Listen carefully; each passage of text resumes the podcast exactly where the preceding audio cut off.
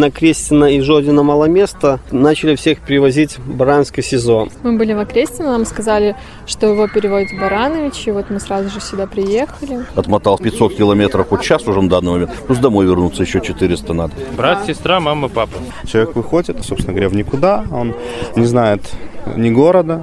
Тут намного круче, чем в Окрестино. Ребята выходят не сломленные духом. Даже не как политические какие-то события, а вообще как несправедливость. Ну, добро и зло, наверное. Вот. А зачем детям такое испытание? За что? Это правозащитный подкаст «Весна Прыдия». Здесь мы рассказываем про опыт людей, которые живут в Беларуси. Витаю, меня зовут Катерина, и этот выпуск посвящен Барановичу и стенам его СИЗО номер 6.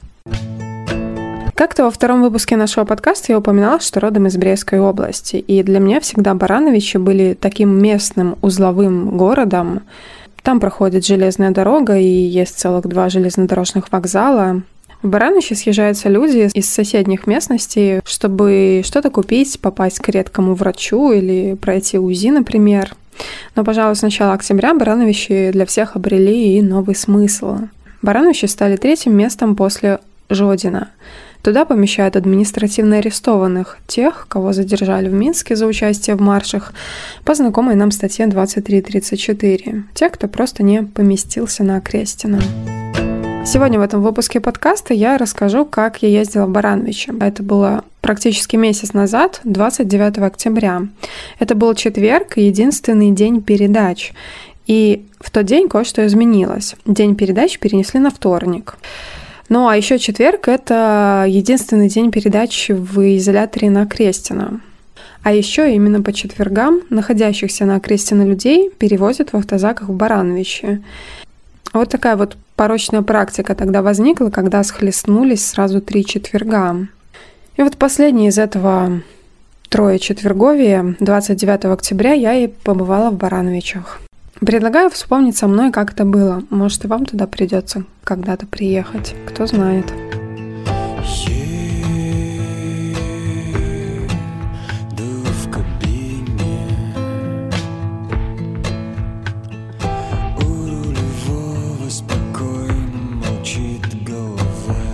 Ехать нужно в СИЗО номер 6 города Баранович. Адрес улица Брестская, 258. Находится СИЗО на окраине города, возле железнодорожных путей.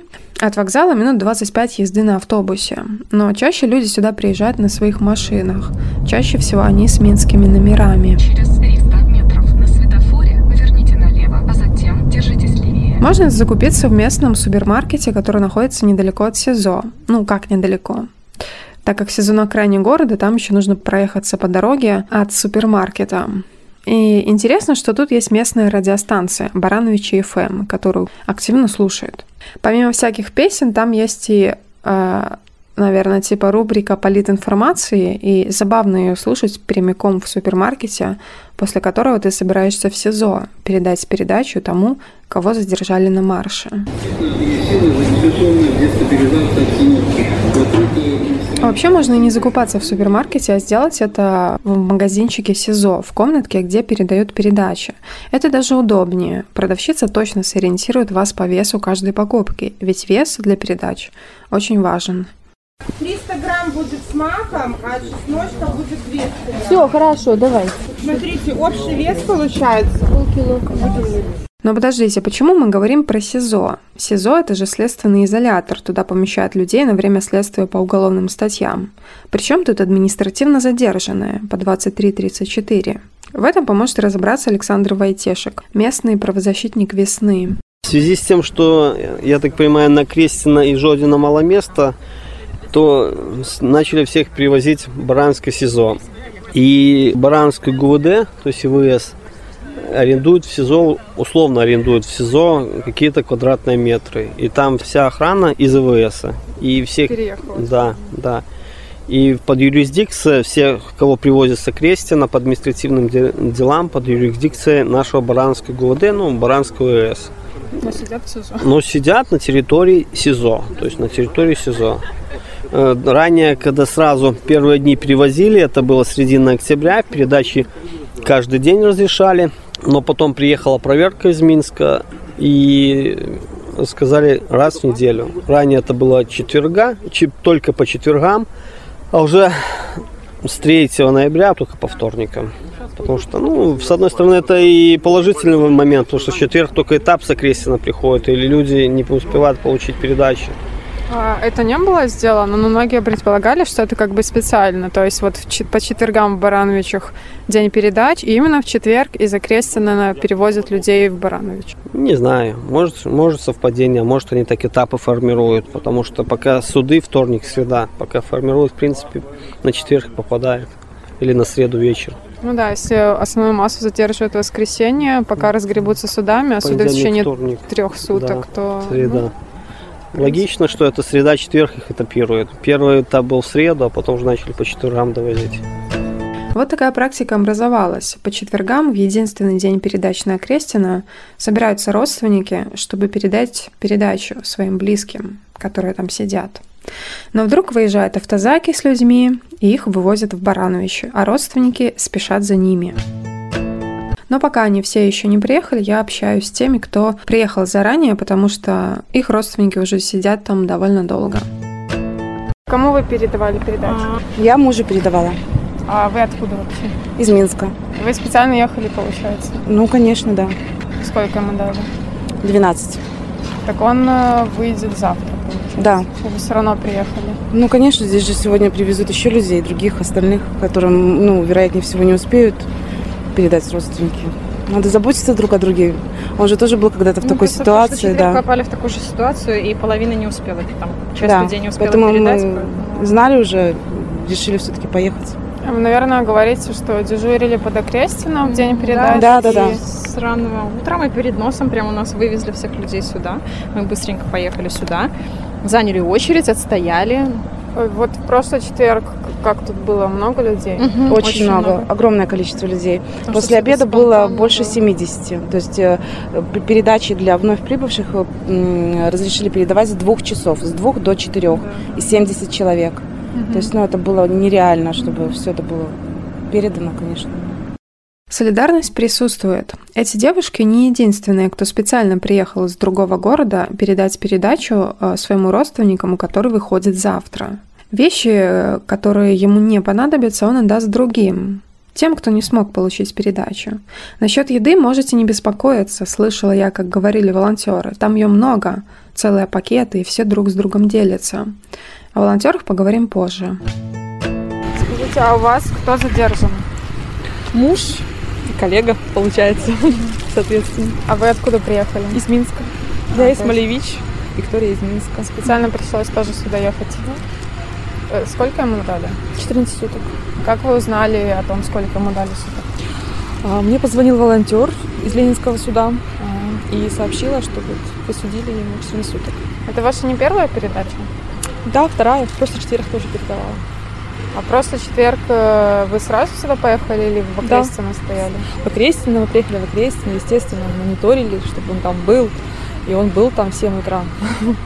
А в 9 утра уже их там, или в 8 утра даже их там уже всех увезли. Вот. И мы на машине и за, и за ними поехали сюда. Я только что разговаривала с двумя девушками, мне точно такую же историю рассказали. Там 12 суток было. Ну, Да. вот, да. Ну так и так там мы когда ехали, мы так на бум не знали. Примут у нас передачу, не примут у нас передачу. А вы знали, что он точно уехал в этом автозаке? Да, потому что мы еще потом стояли в очереди в Окрестино к домофону и уточняли, остался он или уехал. И каждому Мгм. называли фамилию, кто есть, кого увезли и куда увезли. Эти девушки спокойные и уже как будто освоившиеся, ведь это их не первая передача. Но постепенно к стенам СИЗО начинают приезжать люди, которые здесь в первый раз, и видно, как они взволнованы. Вы сегодня из Минска приехали? Да, верно. Это первый раз? Первый. То есть вы сегодня были в Окрестино? Мы были в Окрестино, нам сказали, что его переводят в Баранович, и вот мы сразу же сюда приехали. А оказывается, здесь передачи тоже не берут. А передачи не берут по какой причине? Те, кто сегодня приезжают, списки там долго не составится. Возможно, списки только завтра появятся, возможно, сегодня вечером. Поскольку нет списков, то передачи невозможно передать. А вы видели в Окрестино, как там автозак выезжал? Один выезжал автозак, но тоже ходили слухи, что он поехал не сюда, поехал непонятно куда. Поэтому видели, что выезжал, но куда он поехал, так и непонятно. Кто у вас был задержан и при каких обстоятельствах? А у меня был задержан муж в понедельник возле ПВТ. А, экс-айтишник? Да, айтишников. И он айтишник, да? Он айтишник. Сколько ему дали суток? 10 суток. По одной статье? А, было две сначала статьи, но одну отменили за недоказанностью. Вот, так такое бывает? Да. Сопротивление отменили? А, да, было сопротивление, причем э, было так интересно. Сопротивление не то, что он там сопротивлялся, когда его брали. Сопротивление выражалось в том, что а, они якобы пришли и сказали а, «расходитесь», и они не стали расходиться, это они расценили как сопротивление. Поэтому, ну, и это если учесть, что это было возле кольцевой дороги, где ездят машины, где шумно. А, даже если они что-то такое говорили, люди не могли это услышать. Слухи про едущие автозаки из Окрестина наполняют разговоры людей. Кто-то говорит, что автозаки видели под Несвежем, но к СИЗО продолжают приезжать родственники, и они не только из Минска. Когда была задержана дочка? Задержана была в понедельник, получается, 26 с утра. В Минске, да? В Минске. Она была задержана в Минске, в э, Дзержинском районе, там, где вот БГУ. Она, видимо, хотела сходить к студентам, наверное, с ними там немножко побыть и в 11 успеть на поезд. Ну, все. Ну да, там была акция у ректората БГУ, Да, там да. забирали людей. Ви- Видимо, там больше я сам ничего не знаю, потому что позвонила она каким-то чудом в обед в понедельник около часа, сказала, что задержана, и все, и больше опять, кроме вот как на вашем сайте, я больше ее нигде не находил. А, на Крестина еще в списках вывесили. Вы сегодня, вот э, в четверг, единственный день передач, приехали а, из Гомеля? Мы приехали из Гомеля, да, мы выехали, знали, что очереди страшные, что уже не принимают, как было раньше. Пять дней в неделю принимают только один день, сделано вот это, простите, дурота. Приехали, вот выехали в 11 вечера с Гомеля, в 3 часа приехали, мы уже были четвертыми. Вот до 10 ждали, паковали там эту всю посылку, заполняли эти все акты, а потом оказалось, что ее забрали в Баранович. Вот как сказал нам этот голос в звонке. И все. Вот провезут ее сегодня нет. Если ее не провезут сегодня, значит, я вообще не знаю, как мне в следующий вторник сюда приехать. А сегодня вот с работы отпросился. Написал на свой счет. Отмотал 100 километров, 500 километров вот час уже на данный момент. Плюс домой вернуться еще 400 надо. Это что же все деньги? И все это трата денег впустую абсолютно. Я бы мог оставить другу э, посылку, чтобы он передал во вторник тут. Но есть у меня друзья. Ну, опять-таки, требуют паспорта. Хотя дочке уже 19 лет. Она уже... Требуют родственников. да, требует родственника. Для чего, на каком основании? Куда не знают родственника, если я отчим? Так что, отчество-то мое все равно не будет. Че, ерунда какая-то. Когда вы узнали о существовании Крестина, например? Ну, сначала ж всех этих... э, После выборов сразу, как начались люди, нач- вышли, на- начали выходить на улицы, сразу и узнал. А как же тут не узнать, что такое в стране творится?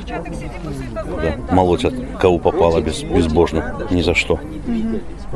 Только за то, что человек вышел на улицу и против свое мнение выразил. Это вообще безобразие. Вот сложилось сегодняшнее впечатление, как э, вот э, работники там и вашего центра, работники, подруги, э, вот эти вот все там, с которыми дружила дочка моя, говорю, столько помощи предложено было, что я понял, что порядочные люди сейчас в тюрьме сидят, они порядочные по улицам ходят и их охраняют. В Барановичах все строго по правилам. Передавать передачу могут только родственники. А что если родственники не могут приехать в Барановичи, отмотав 500 километров? А знакомых и друзей передачи не принимают. Ну а что вообще, если человек – сирота? Александр Войтешек попробовал передать передачу двум сиротам. Нам два пакета, две передачи, которые содержатся сироты, не взяли. Э, Мотивируют тем, что передачу могут передавать только родственники. Соответственно, э, люди, которые не имеют родителей, у нас обделены. Это же получается какая-то правовая коллизия. Дискриминация на основе сиротства. Вот, дис- ну, именно, получается дискриминация на основе сиротства. Как они устанавливают родство? Ну, фамилия надо как минимум одинаково, чтобы было. Не, вот если, допустим, я вышла замуж, у меня другая а чем можете фамилия, подтвердить, родство? тестом ДНК. Тестом Ну, ДНК нет. Не, ну а как? А что? В чем вопрос? Как, как они проверяют родство? Не, так я Там принес же пишут брат, А маски надо вернуть. сват, там тетя, если Ну вот не приняли. А тетя, дядя нет. Брат, сестра, мама, папа. Но обязательно, чтобы одинаковые фамилии были. Нет. Если, например, у папы другая фамилия или у мамы, у них же стоит штамп, либо свидетельство о рождении ребенка, то Так что это надо действительно мама. показывать, да? Конечно. О, Господи. Все надо представлять. нету, чтобы здесь? Есть. В правилах приема передач помогают разобраться волонтеры, которые там всегда дежурят. Они помогают заполнять бланки, записывают людей в очередь, делятся чаем. Следующий небольшой блок будет посвящен волонтерам. Ну, меня зовут Виктор. Чем вы, Виктор, по жизни занимаетесь? Вообще я учитель музыки. Чем я только не занимался в жизни. Здесь палатка, горячий чай. Основная часть времени здесь э, просто люди дежурят ну, на машине, без палаток, без ничего. Потому что сейчас прием передач раз в неделю. Остальное время есть, ну, дежурят только для э, того, чтобы просма- посмотреть, всех ли заберут. Есть, или, допустим, если мы... Бывают люди, про которых мы ничего не знаем, там родственники не сообщили, когда их будут выпускать.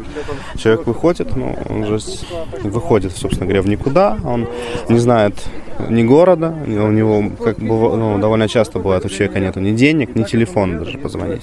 То есть поэтому таким людям нужна, ну, это, собственно говоря, минимальная помощь, нужно дать человеку позвонить, а, либо находим транспорт, то бишь э, находим, там, кто его подвезет на Минск, либо чаще всего кто-то из тех, кого выпускают, за кем приезжают, тоже ну, забирают людей. Ну, в крайнем случае, допустим, подвести до вокзала, то есть такие моменты. Ну, говорю, тут у людей даже телефона нету, хотя бы вот дать позвонить, это, это уже хорошо для многих. В понедельник я приехала, чтобы познакомиться с волонтерами впервые и узнать, нужна ли помощь. Возможно, я могу в какие-то дни помогать.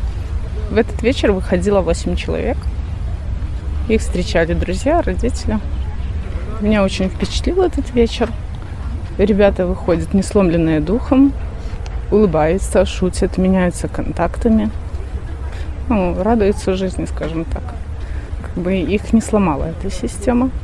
Я была очень впечатлена, и мне это подняло настроение, потому что последнее время какие-то одни депрессивные новости. К слову о выходящих. Среди напряженных родственников я вижу группу родственников с цветами, и они в хорошем настроении. Потому что все это они уже прошли, все позади, а сегодня день освобождения их дочери. Ты уже? Спасибо. Оставляй у нас в машине А. все есть. Ладно.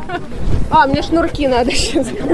Тут же девушку обступают заинтересованные родственники других осужденных и просят рассказать о том, как же там, как сидеть в СИЗО.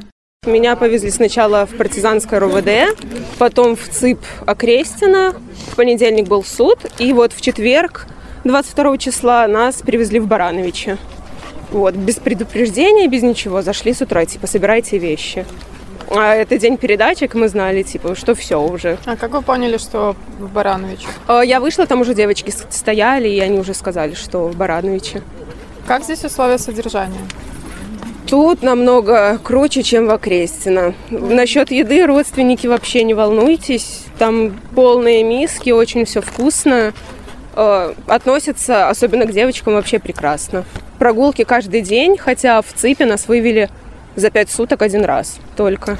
Тут А здесь каждый день. каждый день по часу. О, так это вообще песня. Но только тут свет вообще не вырубают. Ну это везде там есть такая. Ну, у нас ночник был на, в ЦИПе. Так, все хорошо. В камерах тепло. В камерах, да, очень тепло. Мы даже окно, ну, могли сами полностью открывать, чтобы проветрить. Передавать? Э, Ну, во-первых, э, средства личной гигиены, это самое важное, и вот переодеться. А сколько человек вас было? Было 8 человек, и потом вот мы с девушкой вдвоем остались. Но я слышала, что парни и по 12 человек сидели, и по 13. Это, наверное, вот скомпоновали то, что сегодня, наверное, завезут. А в душ водили? В душ нет, не водили. Ни разу, да? Нет. У парней по четвергам, у женщин во вторник, но нам даже не предлагали.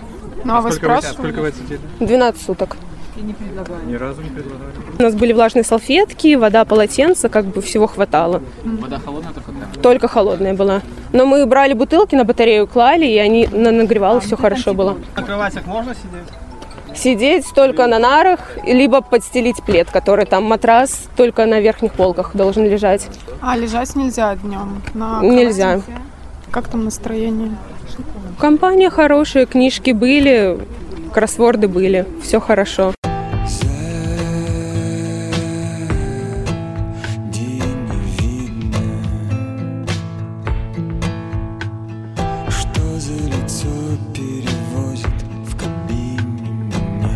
Мы продолжаем ждать автозаки и вспоминать, как это было в прошлый четверг. А вы прям видели, как сюда пять автозаков заезжало? Ну, конечно. В прошлой неделе они тут, тут было интересно. Четыре было или пять? Четыре. Здесь они такой цирк устроили. Они мало того, что автозаки ехали, перед ними подъехал автобус, из него вышли сотрудники в оливковой форме. Ну, то есть тут такое представление целое, как будто мы будем на них нападать. Ну, вот так вот было тут интересно. В любом случае, мы всегда видим, что тут автозаки приезжают. То есть, ну, они же сюда все едут, к главному входу. И, наконец, автозаки виднеются вдали. Подъезжают к воротам СИЗО, а затем скрывается в глуби здания. Раз, два, три, четыре, пять, шесть автозаков. А что расстраиваться? Тут хорошо им будет. Наоборот, радуйтесь, что их оттуда вывезли. Я ж Так мы ж не знаем точно, вывезли. А зачем детям такое испытание? За что? В чем они виноваты? Ну, это не Вот чего обидно. Родственники идут передавать передачи. Все очень взволнованы, все нервничают, очередь огромная.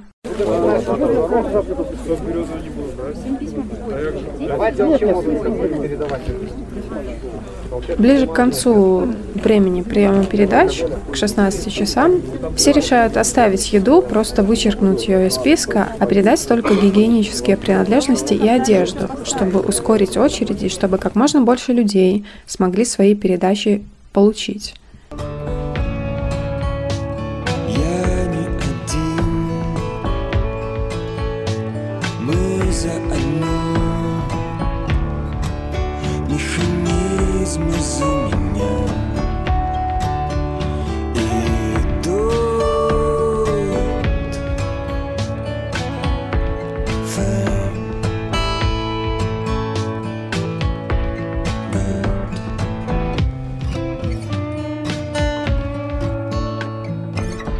Задерживают ведь не только в Минске, хотя там больше всего. В каждом городе есть свой ИВС. Задержанные жители Барановича помещаются в ИВС города Барановича, ну а в СИЗО города Барановича присылают людей из Минска. И Я знакомлюсь с местной жительницей Ольгой. Она тоже помогает в волонтерстве, но скромно подчеркивает, что не так активно. Стала она это делать после того, как и ее задержали на одном из маршей в Барановичах, поместили в ВВС на трое суток, а потом судили на пять базовых величин. При этом судья ее назвал нехорошим человеком. Э, Я даже, вот я до сих пор и не могу понять даже, что они хотели, за что меня, э, каким образом я там, э, что, что я совершила, что я вот провела время в такой ситуации, в таком месте, как бы. Для меня, конечно, это был очень большой стресс. Я вот посчитала, я за три дня, я на, на 3 килограмма я и похудела на три дня, пока там находилась. Мы ехали на суд, я с учетом того, что у меня там не было ни расчески, ни причесаться, ни помыться, э, естественно, я себя чувствовала очень подавленной, потому что ну, вот как вот я прихожу, приезжаю в суд, в город, да, люди как бы вокруг нормальные, да, я там не мытая, не чесанная, э, после, ну, не знаю, как он. Я считаю, что это унижает вообще очень людей, очень унижает и достоинство, и даже, ну, не знаю. Что заставляет вас волонтерить? Если бы не было той ситуации. Меня волонтерить что заставляет? Наверное, мое внутреннее, наверное, как бы я вообще все это вот расцениваю ситуацию, вот эту происходящую, даже не как политические какие-то события, а вообще как несправедливость, вообще как э, ну, добро и зло, наверное, вот как-то мне хочется, мне хочется, чтобы, ну, чтобы как-то все-таки восстановилась какая-то справедливость, наверное. Я, я не знаю, как это сделать, я Честно, мне не приходит в голову вообще ни- никаких идей. Но я думаю, может быть, хоть каким-то образом, хоть кому-то я, может быть, хоть одному человеку я помогу. Может быть, он наденет носки, которые я принесла, ему будет там теплее сидеть.